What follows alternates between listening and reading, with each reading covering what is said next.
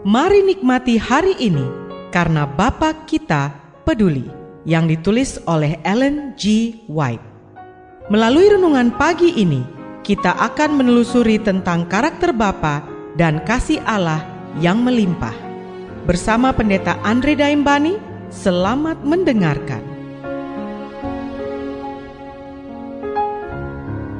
Shalom, selamat pagi saudaraku.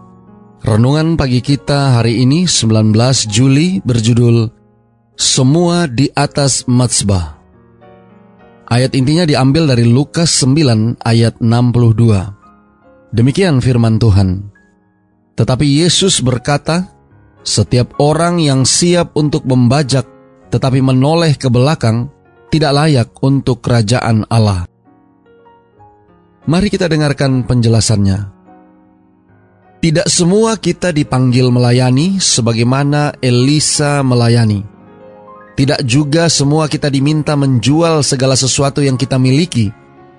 Namun Allah meminta kita untuk menjadikan pelayanannya hal yang utama dalam hidup kita, tidak membiarkan satu hari pun berlalu tanpa melakukan sesuatu yang mempercepat pekerjaannya di bumi.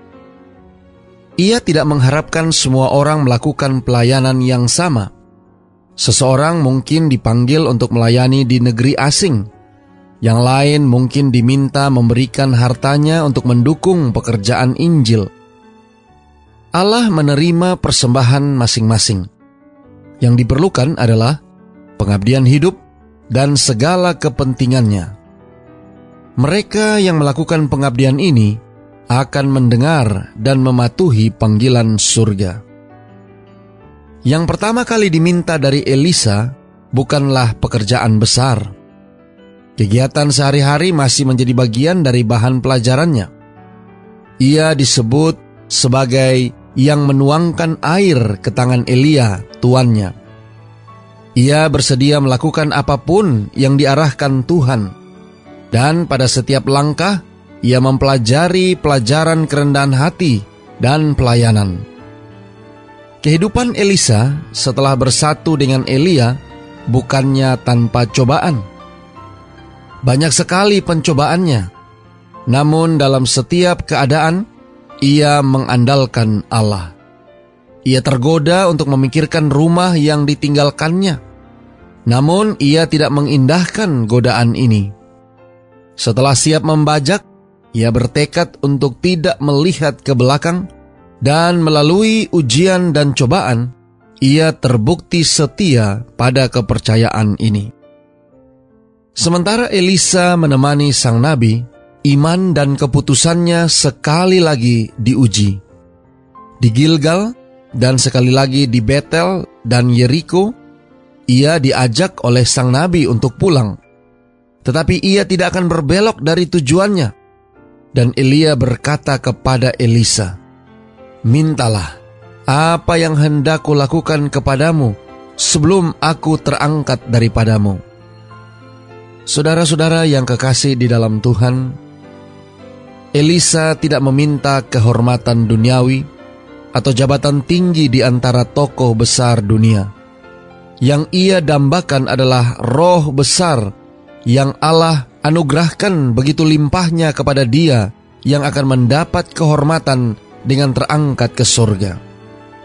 Ia mengetahui bahwa tidak ada selain roh yang diam di dalam Elia yang bisa melayakkan dia mengisi tempat di Israel yang Allah telah sediakan baginya.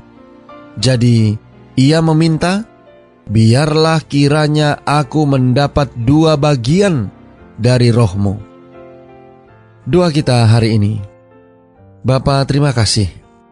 Melalui renungan pagi ini, kami boleh belajar satu pelajaran yang sangat penting di dalam kehidupan kami sehubungan dengan pelayanan.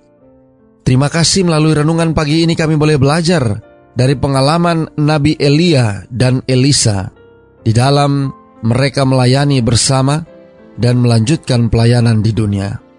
Tolong kami hari ini Bapak, biarlah dengan pertolongan kuasa roh kudusmu, kami boleh dapat disanggupkan untuk dapat menghidupkan pelajaran yang sudah kami dengarkan, bagaimana Elisa meminta roh Elia sebagai penuntun bagi dia dalam melanjutkan pelayanan Elia kepada bangsa Israel. Terima kasih Bapa. Inilah doa dan permohonan kami kepadamu. Di dalam nama Yesus kami berdoa. Amin.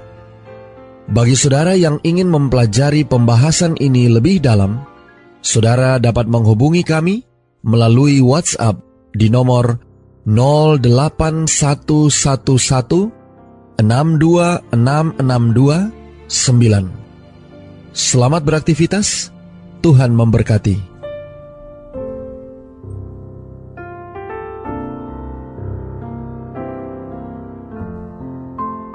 Demikianlah tadi pembahasan tentang Bapa Kita Peduli. Semoga firman Tuhan hari ini dapat menjadi berkat bagi Anda. Sampai jumpa, Tuhan memberkati.